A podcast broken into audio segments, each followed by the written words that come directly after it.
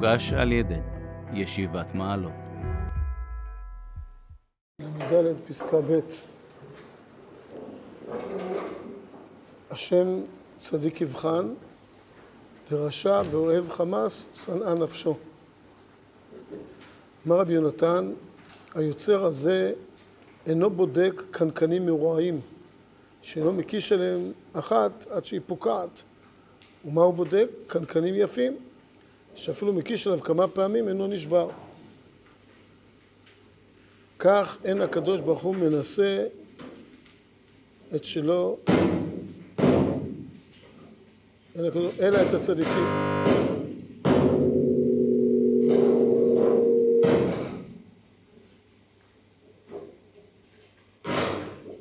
בסדר. אז זה היה מתן תורה, ככה היה קולות וברקים.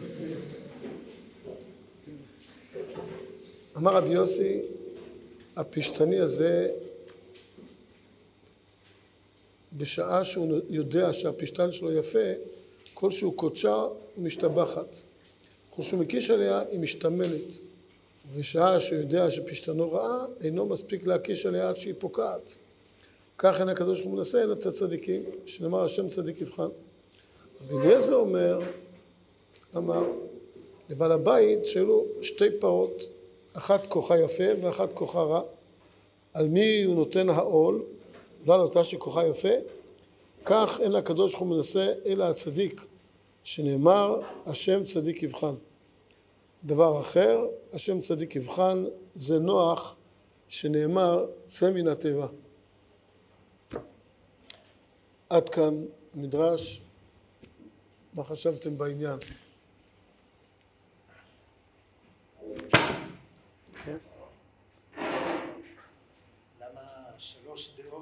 כן, לכאורה? כן, לכאורה הנקודה במדרש המרכזית, יש כאן אולי נגדיר שתי נקודות מרכזיות שיש מקום לברר. זה ראשית, מה מוסיפה כל דעה או מה מוסיף כל משל אה, לעניין. ודאי שאם מישהו אמר משהו אחד, אחר כך מישהו אמר שני, לא יסתפק מה שאמר הראשון, הוסיף משהו וכן הלאה. אה, כל משל צריך לה, להוסיף לנו משהו בהבנה של הדברים. הנקודה, נגיד נמצא איזה מהלך, מה, כל משל אה, הוסיף פה, אז האם כל זה אחר כך משתקף אצל נוח? כלומר, אה, ההיבטים השונים של הניסיון, כן. שלושת הדעות, האם אחר כך אפשר לראות את זה אצל נוח, או שנוח זה... זה, זה, זה דבר אחר, כמו שכתוב פה, דבר אחר זה נוח. המדרש הזה מופיע בכמה מקומות. אותו מדרש בדיוק, שלושת המשלים הללו, בצורה הזאת מופיע גם, כבר לפני כן למדנו את זה, אה, שתי פרשיות קודם כבר למדנו את המדרש, מדרש כזה, מופיע אצל אברהם אבינו, בהמשך, בלך לך, מופיע, רק בבראשית רבה מופיע בשלוש פעמים. אה, זה מופיע בכמה מקומות המדרש, ולכן אה, נראה שזה רק לקחת את המש... שיש כאן שתי בחינות שונות, אחת זה ללמוד את המדרש, אחר כך לראות מה בא לידי ביטוי אצל נוח. פה במדרש זה עוד יותר, בכלל צריך להבין אצל נוח מה, מה זה צא מן התיבה, שפה היה איזשהו ניסיון לנוח. אמירת צא מן התיבה מבטאת איזשהו ניסיון אה, שנוח אמור להתנסות בו. מה, מה הניסיון בדיוק של נוח, המפרשים קצת דנים בזה, מה בדיוק הניסיון שנוח אה, נבחן בו, באיזה נקודה הוא נבחן בעניין הזה. אה, אז זה, זה בעצם מה שיש פה לברר במדרש. אז קודם כל, באמת הנקודה הראשונה, ההבדל בין שלושת המדרשים. סתם הבדל מעניין, חיצוני, אבל אולי יש בו גם משהו ככה ש... שאפשר אחר כך לראות אותו גם בתוכן, זה מעניין שזה דומם, צומח וחי. בהתחלה זה קנקנים, שזה דומם, עובר לפשתני הזה, הפשתן, שזה צומח, עובר לשתי פרות, שזה חי. זו נקודה אחת, רואים פה מבנה, האם הוא קשור, גם כי יש מקום להתבונן. אבל ודאי לא זה מה שמבדיל בין הדברים, יש כאן משהו יותר בתוכן. נראה שמבחינת התוכן מה שמבדיל בין המדרשים, מה שהמבנה שקיים פה, בראשון, בקנקנים, לא קורה שום דבר, זה רק סימן. זה לא, זה לא יוצר שום דבר, הניסיון. הניסיון לא יוצר משהו, אלא רק הוא בודק מה כבר קיים. כלומר, כשה, כשהקדוש ברוך הוא בוחן את הצדיק, הוא בוחן את הצדיק, הוא בוחן בכלל בשביל לראות מה יש כאן. לא בשביל לתת לו כוחות נוספים, לא להוסיף דברים, אלא עצם המציאות שלו לדעת, לבחון ולהראות מה האדם הזה. גם מקיש על קנקנים, יש מפרשים שמביאים, לא, לא, דווקא לא פה, במקומות אחרים, אה, מביאים שזה בדרך כלל מה שקורה כשאדם מוכר קנקנים. כשאדם יש לו איזה בסטה למכירת קנקנים, ובא מישהו לקנות והוא רוצה לבדוק אם זה טוב, אז הוא דופק על הקנקן, המוכר, להראות לו שזה, שזה אכן אה, קנקן חזק. פעם מישהו סיפר לי שהוא הלך לקנות צלחות, והמוכר אמר לו זה לא שביר, והמוכר, ואמר לו תראה זה לא שביר, וזרק את זה לרצפה וזה נשבר. כן, זה, אז היה בדיוק אה, הקנקן הרעוע. כן, אז, אה, אז המוכר דופק על הקנקנים להראות לקונה שאכן הקנקנים הם חזקים. אז זה לא שעכשיו הוא מייצר את הקנקנים, אלא הוא עכשיו רק בוחן מה הקנקנים. ככה הקדוש ברוך הוא מנסה את הצדיק, אפשר לומר, להראות לעולם שיש כאן אדם, וזה מראה שאכן, יותר נגיד אצל אברהם אבינו, השם ניסה את אברהם, אברהם אבינו הניסיון, אז אחת הנקודות של הניסיון בוודאי היה להראות, להעלות על נס את דמותו של אברהם. לא עכשיו אברהם מייצר פה משהו חדש, אלא להראות לעולם כולו איזה אישיות יש כאן. שזהו בעצם הנקודה הזאת של הקנקנים. טוב, נחזור לזה ככה בראיית כל המדרשים, כל המשלים ביחד, אבל זה הנקודה הראשונה. המשל של הפשתני זה לא רק להראות איזה עוצמה קיימת, אלא זה להוסיף בעוצמה. קטישה של, ה, של הפשתן היא בעצם עושה את הפשתן משובח. אז פשתן טוב משתבח במכות שהוא מקבל. פשתן גרוע נשבר מזה. אז פה זה, זה, זה בעצם בא להשביח את הפשתן, ואם נעבור לצדיק, אז זה בא, הניסיון בא להוסיף לו עוצמה. העובדה שהוא עומד בניסיון, הניסיון, תלוי תמיד איזה ניסיון, הניסיון בא להוסיף לו עוד כוחות שלא היו קיימים בו. לא רק לגלות לו איזה כוחות יש בו, אלא להוסיף בו כוחות שלא היו קיימים. שהניסיון מאתגר אותו בדברים חדשים, במציאות חדשה שהוא לא הכיר אותה, ועכשיו הוא כובש איזה יעד חדש, שזה בעצם הפשטן שמקים אותו, הוא משתבח, מגלה דברים שלא היו בו לפני כן, כן. לא, לא להוציא, זה, זה גם להוציא, בסופו של דבר זה להוציא מהכוח אל הפועל, אבל להוציא מהכוח אל הפועל דברים שלא היו, שהוא לא ידע שקיימים בו. כן? לפני כן הקנקן, אומר המוכר זה קנקן טוב, אני יודע שהוא טוב, ומקיש רק להראות את זה. פה זה להוציא דברים חדשים, לשבח את הפשטן. אז הטיב של הפשטן בפוטנציאל קיים בו, אבל הוא צריך לעבור תהליך כדי שזה יתגלה, כשזה ההכאה בפשטן. זה המשל השני. המשל השלישי, הוא בא לא רק להוסיף עוצמה לעצמו, אלא זה בא להביא חיים לעולם. נותנים עול על הבהמה, הזוהר, פרשת בהר, הזכרנו אותו כמה פעמים, שהזוהר פרשת בהר מביא, אומר שהשור הזה אם אתה לא נותן בו עול, אז הוא יכול ללכת קילומטרים, ימים ושנים וחודשים, ושום דבר לא יקרה בעולם. ברגע שאתה שם עליו עול, והוא הולך, אז כל צעד שלו חורש את האדמה ומביא חיים לעולם.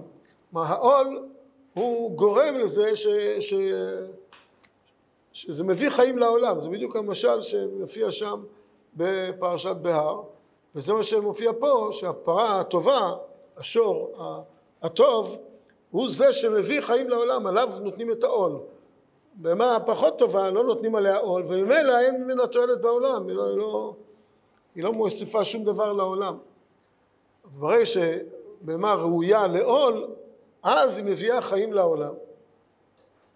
אז קודם כל, רואים פה את התהליך, נראה שזה מאוד קשור, שבדומם אז יש פחות פוטנציאל של צמיחה, כמו בצומח. לכן המשל של הדומם הוא רק כסימן להראות מה קיים פה. המשל של הפשתן הוא כבר בחינה של צומח, שזה מצמיח ומגלה כוחות חדשים ומוציא אל הפועל כוחות חדשים. והמשל של הפרה, של החי, הוא להביא חיים לעולם. אז יש כאן משהו חי, שמוסיף חיים לעולם. אז יש כאן גם המבנה של דומם, צומח וחי, בהחלט אה, שייך לעניין. יש כאן נקודה נוספת, רק ככה שאנחנו יכולים ללמוד מזה, כל אחד בניסיונות שהקדוש ברוך הוא מעמיד בו. הנקודה הזאת לדעת, להבין, שכשהקדוש ברוך הוא מנסה את האדם, אז קודם כל זה ביטוי שאומרים אותו הרבה פעמים, אבל נראה פה, חז"ל אומרים אותו. כשהקדוש מביא ניסיון על האדם, זה סימן שהאדם יכול לעמוד בו. כמו שהמדרש אומר, הוא לא מכה קנקנים ראויים, הוא מכה קנקנים חזקים שיכולים לעמוד. אם אדם יש לו ניסיון, אם אדם קשיים, אתגרים, זה סימן שהוא יכול לעמוד בהם, סימן שהוא יכול, בצורה של הקנקנים, זה מראה שהוא אכן יש לו כוחות. ו, ודווקא טלטלות שהאדם עובר, זה ביטוי לעוצמות שיש בו. ועוד יותר מזה, זה גם מוסיף לעוצמות. עוד יותר מזה הוא גם מביא דברים לעולם, כלומר לדעת שלפעמים דווקא קשיים שאנחנו נתקלים בהם ופוגשים כל מיני מציאויות קשות לפנינו, אז לדעת שזה בהחלט, האתגרים הללו, יש להם מטרה, הם לא סתם ככה באים, אלא יש להם עניין ומטרה. הם אה, גם להראות לאדם את יכולותיו, גם להוסיף בו יכולות, וגם להוסיף לעולם, להביא טובה לעולם.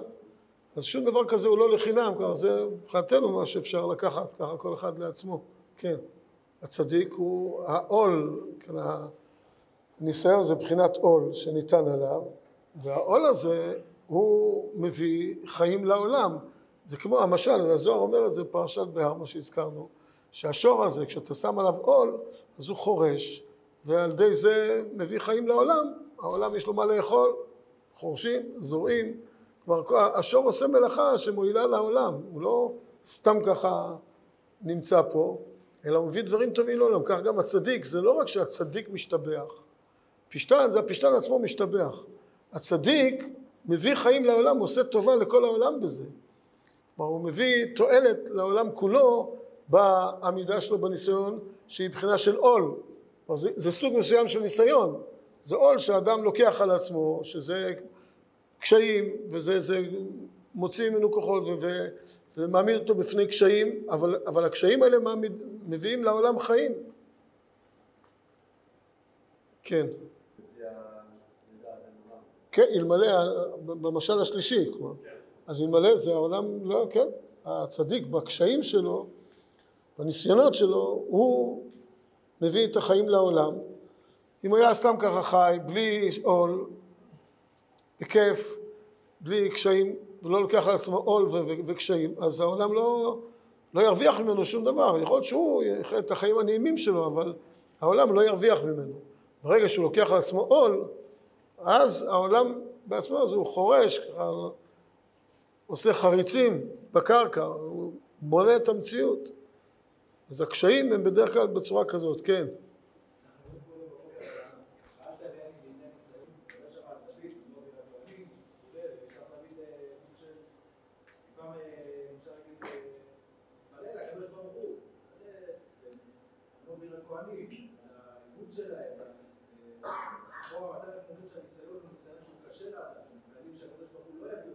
אבל אדם, יש כאן שני דברים.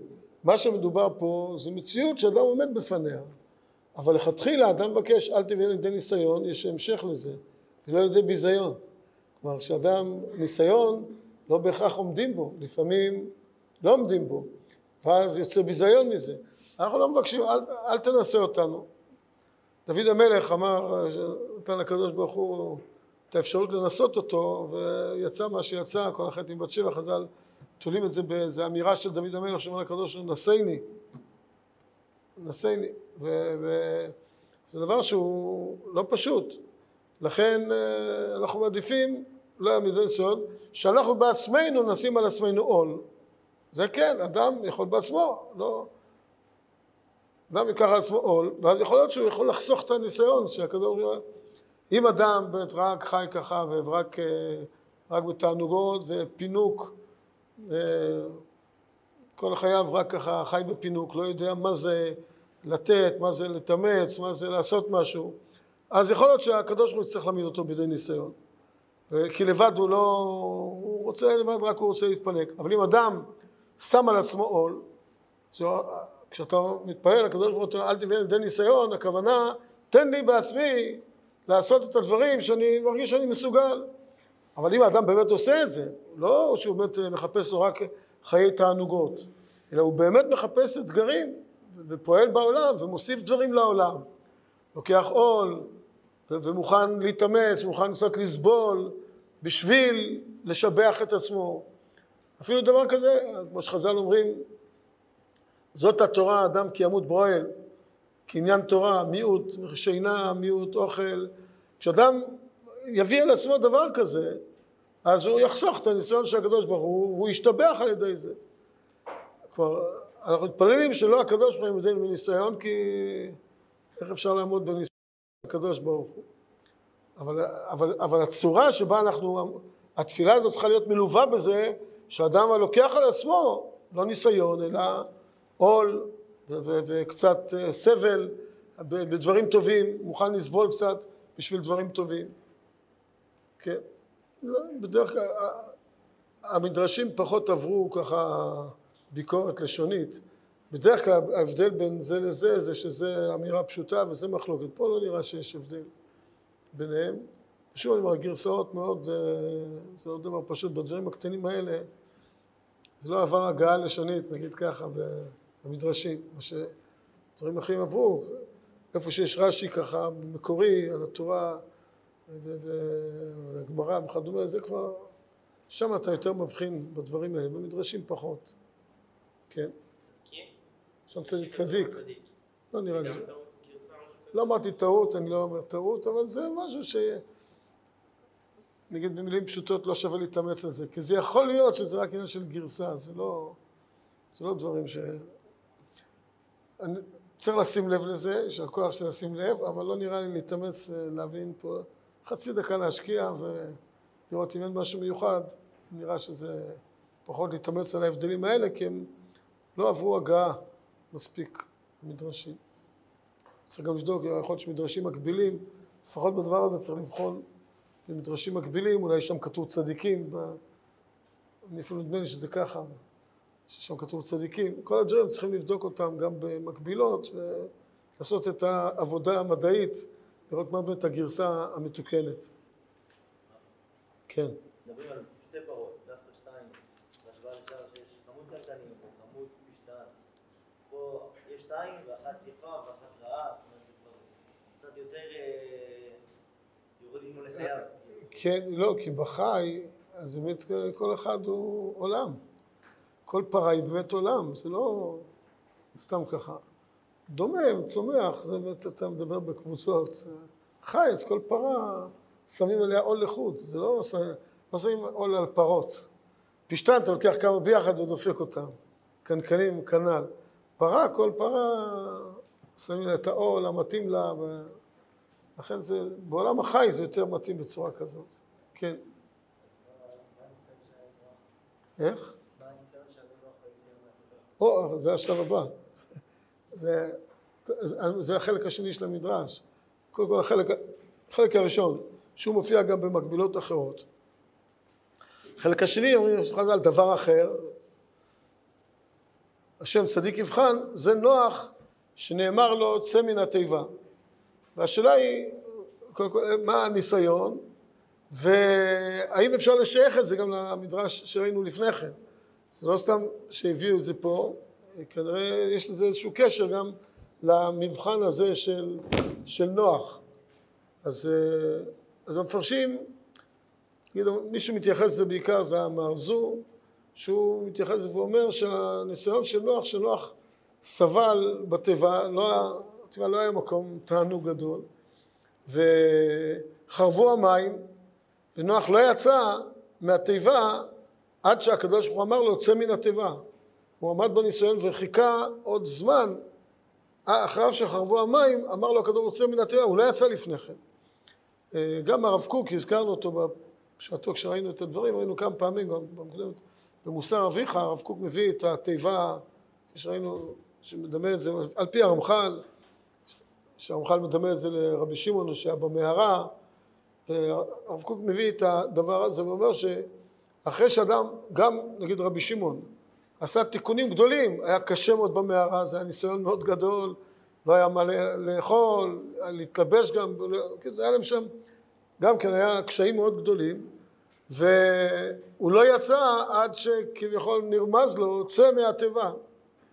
כלומר, שכיוון שגם נוח בתיבה עשה תיקונים גדולים, והשהות של נוח בתיבה לא הייתה סתם, כי אם זה היה משהו סתמי, אז, אז ברגע שחרבו המים, לא צריך להגיד לו צא מהתיבה. אז חרבו המים, הוא יוצא החוצה.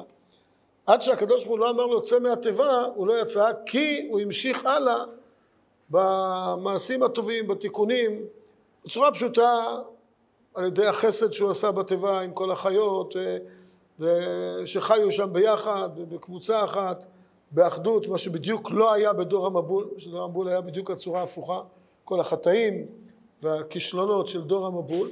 בתיבה הדברים האלה עברו תהליך של תיקון, ועד שלא אמר לו הקדוש ברוך הוא צא מהתיבה הוא לא יצא, הוא המשיך הלאה לעשות את הדברים הטובים. וזה באמת מבטא, אני חושב, את כל הדברים ש, שהמדרש מביא לפני, את כל הצורות של ה... זה גם גילה על דמותו של נוח, על היכולת שלו, גם כמובן הוסיף תיקון בתיבה לכל הנמצאים בתיבה, כל מעשי חסד שעשו, הוסיף באישיות שלהם אישיות של חסד, וגם כמובן הועיל לעולם כולו, שנוח אחר כך יצא והביא חיים לעולם כשהוא יצא מהתיבה. אז, אז זו הצורה לכאורה, מה שהמפרשים דנים, שצא מהתיבה זה, זו אמירה שנוח לא יצא והמשיך הלאה לעשות את המעשים הטובים, הוא הבין, הוא הבין שבה, שהתיבה היא לא סתם איזה מקום מילוט בלבד, אלא זה מקום שמתקן את חטא דור המבול. וכיוון שהוא קלט את זה בצורה הזאת, אז הוא נשאר בתיבה עד שהקדוש ברוך אמר לו, זהו, מילאת את חובתך, את התיקונים, ועכשיו צא מן התיבה ותבנה את העולם מחדש, תתחיל את החיים החדשים של העולם. לכן זה, כאן, זה הניסיון של נוח, ככה מפרש אמר זוקן. הניסיון היה הקושי הגדול לחיות בתיבה, לצורך התיקון של חטא דור המבול, שזה לעשות חסד עם כל בעלי החיים, חז"ל מביאים את זה במדרשים קודם, חסד עם בעלי החיים, פעם אחת נוח שכח לתת לאריה, וישאר אח נוח, חז"ל פעם אחת הוא שכח, איחר קצת לאריה את האוכל, האריה נתן לו ביס, ככה נשך אותו, והיה חיים מאוד קשים, כל הזמן היה צריך סביב השעון, מה שהעולם אומר היום 24-7 היה צריך נוח לכל הזמן יותר לך, זה המון חיות שנותן להם כל הזמן אוכל, כל חיה בשעות שלה, כל חיה לדייק את, ה, את הזמן, זה מאוד קשה, זה עבודת חסד עצומה שהיא באה לתקן את, את דור המבול, שזה מלא הארץ חמאס, בדיוק ההפך. אז, אז זה הניסיון של נוח, זה, זה בעצם הניסיון, גם השהות בתיבה, אבל עוד יותר, שכבר חרבו המים, ונוח ממשיך הלאה להיות בתיבה ולעשות את הדברים האלה, מחכה עד שהקדוש הוא יגיד לו, זהו, מילאת את חובתך, צא תבנה את העולם. אז זה, זה לכאורה הניסיון של נוח, שהוא נכון על שלושת המשלים בצורה הזאת. כן. כן, אני ראיתי כיוון כזה אחד, אבל זה ממש לא נראה, כי חז"ל מתארים במדרשים את הקושי שהיה לנוח בטבע. זה תיאור שבמדרש וישאר אח נוח, חז"ל, האמירה הזאת שהתורה אומרת וישאר אח נוח, שבא למעט, כזה, זה, זה מבטא קושי, גם ב, אפילו בצורה שקוראים אח נוח, איזה, איזה הנחה כזאת. משמע ככה בצורה פשוטה גם במדרשים, נוח, זה לא היו חיים כיפיים. וה... ולצאת החוצה הם רק חיכו, הוציא, כתוב, במדרש הקודם למדנו, הוציאה ממסגר נפשי, כל הזמן נוח התפלל, הוציאה ממסגר נפשי. לצאת מהכלא, זה כמו כלא. אז כמו שתגיד שאדם נמצא בכלא, כבר התרגל, שכל יום הוא מקבל את האוכל, נותנים לו את האוכל, הכל הוא מקבל, אז הוא, אני רוצה להישאר פה. לא שלא קורים מקרים כאלה, אבל זה לא, לא, נוח, לא אצל נוח. כן, בדיוק, להתרגל לדבר שהוא שלילי בגדול. הוא הוציא המסגר בכלא. זה לא נראה שזה הכיוון, הכיוון הוא להפך, שהיה מאוד קשה, נועה כבר מתפלל, מחכה לצאת החוצה, והוא לא יוצא עד שהקדוש ברוך הוא אומר לו, יוצא מן התיבה. כך זה נראה. גם ככה הרב קוק מביא את העניין הזה שאדם אה, עסוק, מתכנס, כל העניין של התכנסות, עד שהוא מרגיש שבאמת עכשיו הקדוש ברוך הוא אומר לו, יוצא מהתיבה כבר, לא מעצמו, אלא יש לו איזה ציווי כזה. כן, זה, זה, זה הצורה, כך נראה ש... הבינו את זה המפרשים. גם הכיוון שהרב קוק לוקח את המציאות הזאת של נוח, כך זה נראה, ש, שזה הניסיון. כן. כן הזה, שעד עכשיו נוח היה רק צריך לשמר את הקיים, לעבור את, את התקופה, ועכשיו בעצם יש עליו תפקיד של להקים מחדש את האנושות, את ה, בעצם עכשיו מחליף את האדם הראשון. פחד אה, גדול לצאת לחיים האלה, פתאום... אה, ולכן הוא, לכן הוא חיכה לציווי, זה נראה קשה, זה... לא, כמו שהוא אמר, זה מוריד מערכו, כמו זה... זה מוריד מערכו, כאילו הוא רוצה להישאר, לא רוצה את העול הזה של הפרה. והחזר אומר השם צדיק יבחן להפך, הוא רוצה לקבל לעצמו עול. הוא מחכה לעול הזה, הוא רוצה כבר לבנות את העולם. והוא לא יוצא כי עדיין התיקון אה, הוא תיקון של דור המבול שהוא בשהות בתיבה ועד שהקדוש לא אומר לו לצאת הוא לא יוצא. להפך הוא מחכה לעול הזה, הוא רוצה לשים לעצמו את העול של בניין העולם מחדש. זה, זה המדרש. השם צדיק יבחן למשל לשתי הפרות הללו. יכול להיות, אבל בפשטות נראה, הכיוון של המרזום נראה לי יותר אה, כיוון שמסביר את העניין. בסדר, בעזרת השם. טוב, נעבור. כן, בבקשה. הזכרנו, אז למדנו את זה, וזה מופיע גם בהמשך, בלך לך, גם על אברהם אבינו, כן.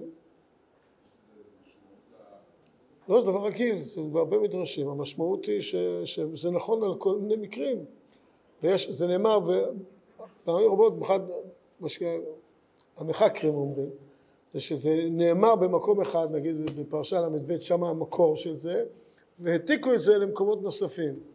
זה בדרך כלל האמירה, שזה לא נאמר בשלושת המקומות, זה נאמר במקום אחד, והעתיקו את זה למקומות האחרים, שזה גם שם שייך. כן.